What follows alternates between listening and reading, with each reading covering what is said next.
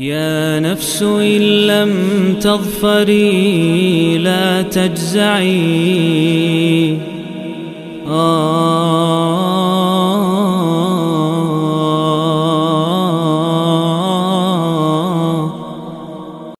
Bismillahirrahmanirrahim Alhamdulillah Wassalatu wassalamu ala rasulillahi amma ba'd Masih bersama silsilah serial 114 hari menyambut bulan Ramadan Dan kali ini di hari ke-51 Surat Az-Zariyat Surat yang ke-51 Yang artinya adalah angin yang menerbangkan uh, Membersamai kita Dan surat Makkiyah ini turun setelah surat Al-Haqqaf dan sebelum surat Al-Ghasyiyah.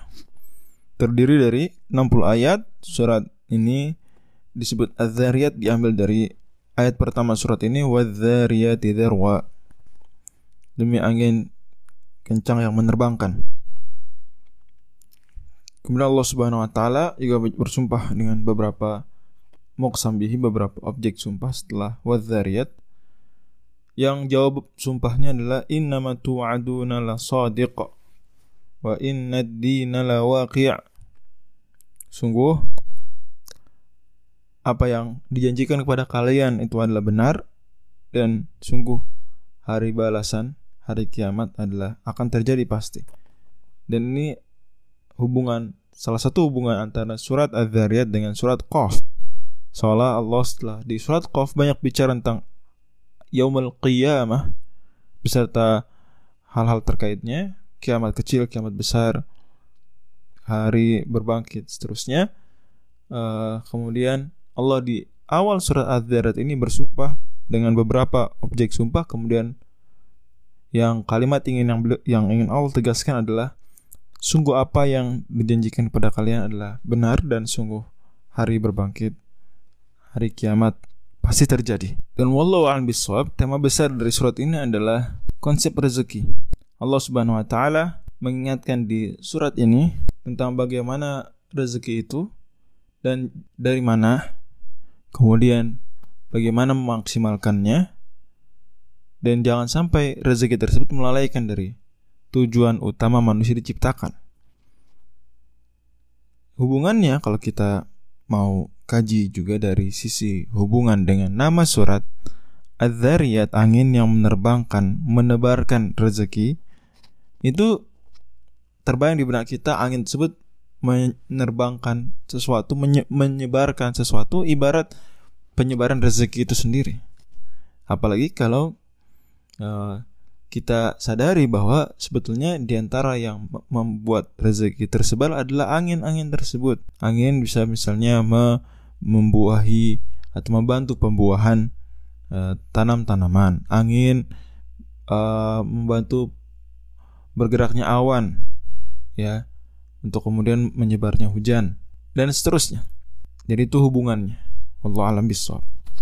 Allah Subhanahu wa taala menyebutkan tentang konsep rezeki banyak di sini. Selain di awal surat yang bahkan mengis mengisyaratkan kuat tentang pembahasan rezeki Allah firmankan misalnya demi angin yang menerbangkan kuat demi angin yang demi awan-awan yang membawa uh, air hujan demi kapal-kapal yang berjalan dengan mudah berlayar demi para malaikat yang membagikan rezeki-rezeki. Ini kuat sekali pesan yang disampaikan terkait dengan konsep rezeki belum lagi Allah Subhanahu wa taala di ayat 15 dan seterusnya firmankan tentang karakter orang muttaqin, orang bertakwa di mana mereka akhidina ma atahum rabbuhum.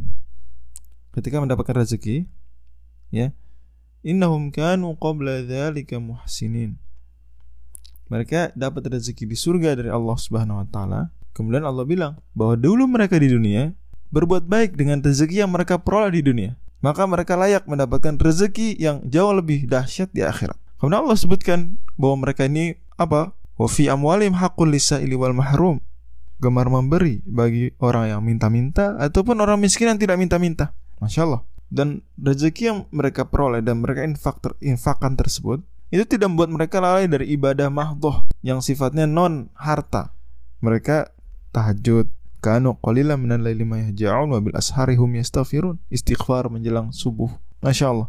Allah tegaskan lagi tentang konsep rezeki. Kata Allah, "Wa fil ardi ayatun lil muqinin." Di muka bumi ini ada tanda-tanda dari Allah bagi orang yang yakin. Rezeki bisa dari bumi. Wa fi anfusikum afala tubsirun dan potensi rezeki tersebut juga ada pada diri kalian.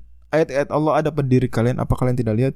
Wa fis sama'i rizqukum wa ma tu'adun dan di langit juga ada sumber rezeki kalian, Bro. Air hujan dan seterusnya. Dan apa yang dijanjikan buat kalian juga di atas langit sana ada Allahul Mahfuz catatan yang berisi takdir rezeki-rezeki kalian. Masya Allah. Allah Subhanahu wa taala juga ketika menyebutkan tentang uh, bertamunya para malaikat ke Nabi Ibrahim isyaratkan tentang itulah rezeki datang tiba-tiba tidak diduga ya. Para malaikat datang ternyata Nabi Ibrahim kemudian menyuguhkan rezeki luar biasa berupa ijalin samin sembelian yang gemuk. Yang pun pada akhirnya malaikat tidak tidak memakannya ya. Pesan buat kita bahwa bisa jadi ada orang yang dapat rezeki banyak tapi tidak memanfaatkannya. Ya apa pun alasannya. Kemudian Allah juga menarik sekali ketika menyebutkan umat-umat yang dibinasakan dan mereka mendustakan para rasul. Allah di surat ini mengisyaratkan bagaimana sikap mereka terkait rezeki. Misalnya Allah sebutkan musawwamatan inda rabbika lil musrifin ayat 34. Mereka ini musrif, pemboros. Kemudian fatawala biruknihi wa qala sahir aw majnun. Mereka ini kaya raya. Di ayat 39 Firaun ya. Atau kemudian mata min syai'in atat alihi illa ja'alat sukar ramim. Harta mereka banyak tapi kemudian dihancurkan oleh Allah. Wa fi thamun itu qilam tamattau hatta hin. Mereka bersenang-senang dengan harta mereka tapi sayang sementara. Seperti itu.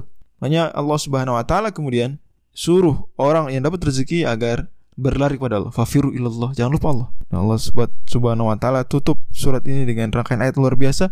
Wa ma khalaqatul jinna wal insa illa liya'budun. Tidaklah kami ciptakan jin dan manusia melainkan untuk ibadah. Rezeki itu ah, untuk membantu ibadah, bukan malah melalaikan dari ibadah. Ma uridu minhum min rizqi wa ma uridu an.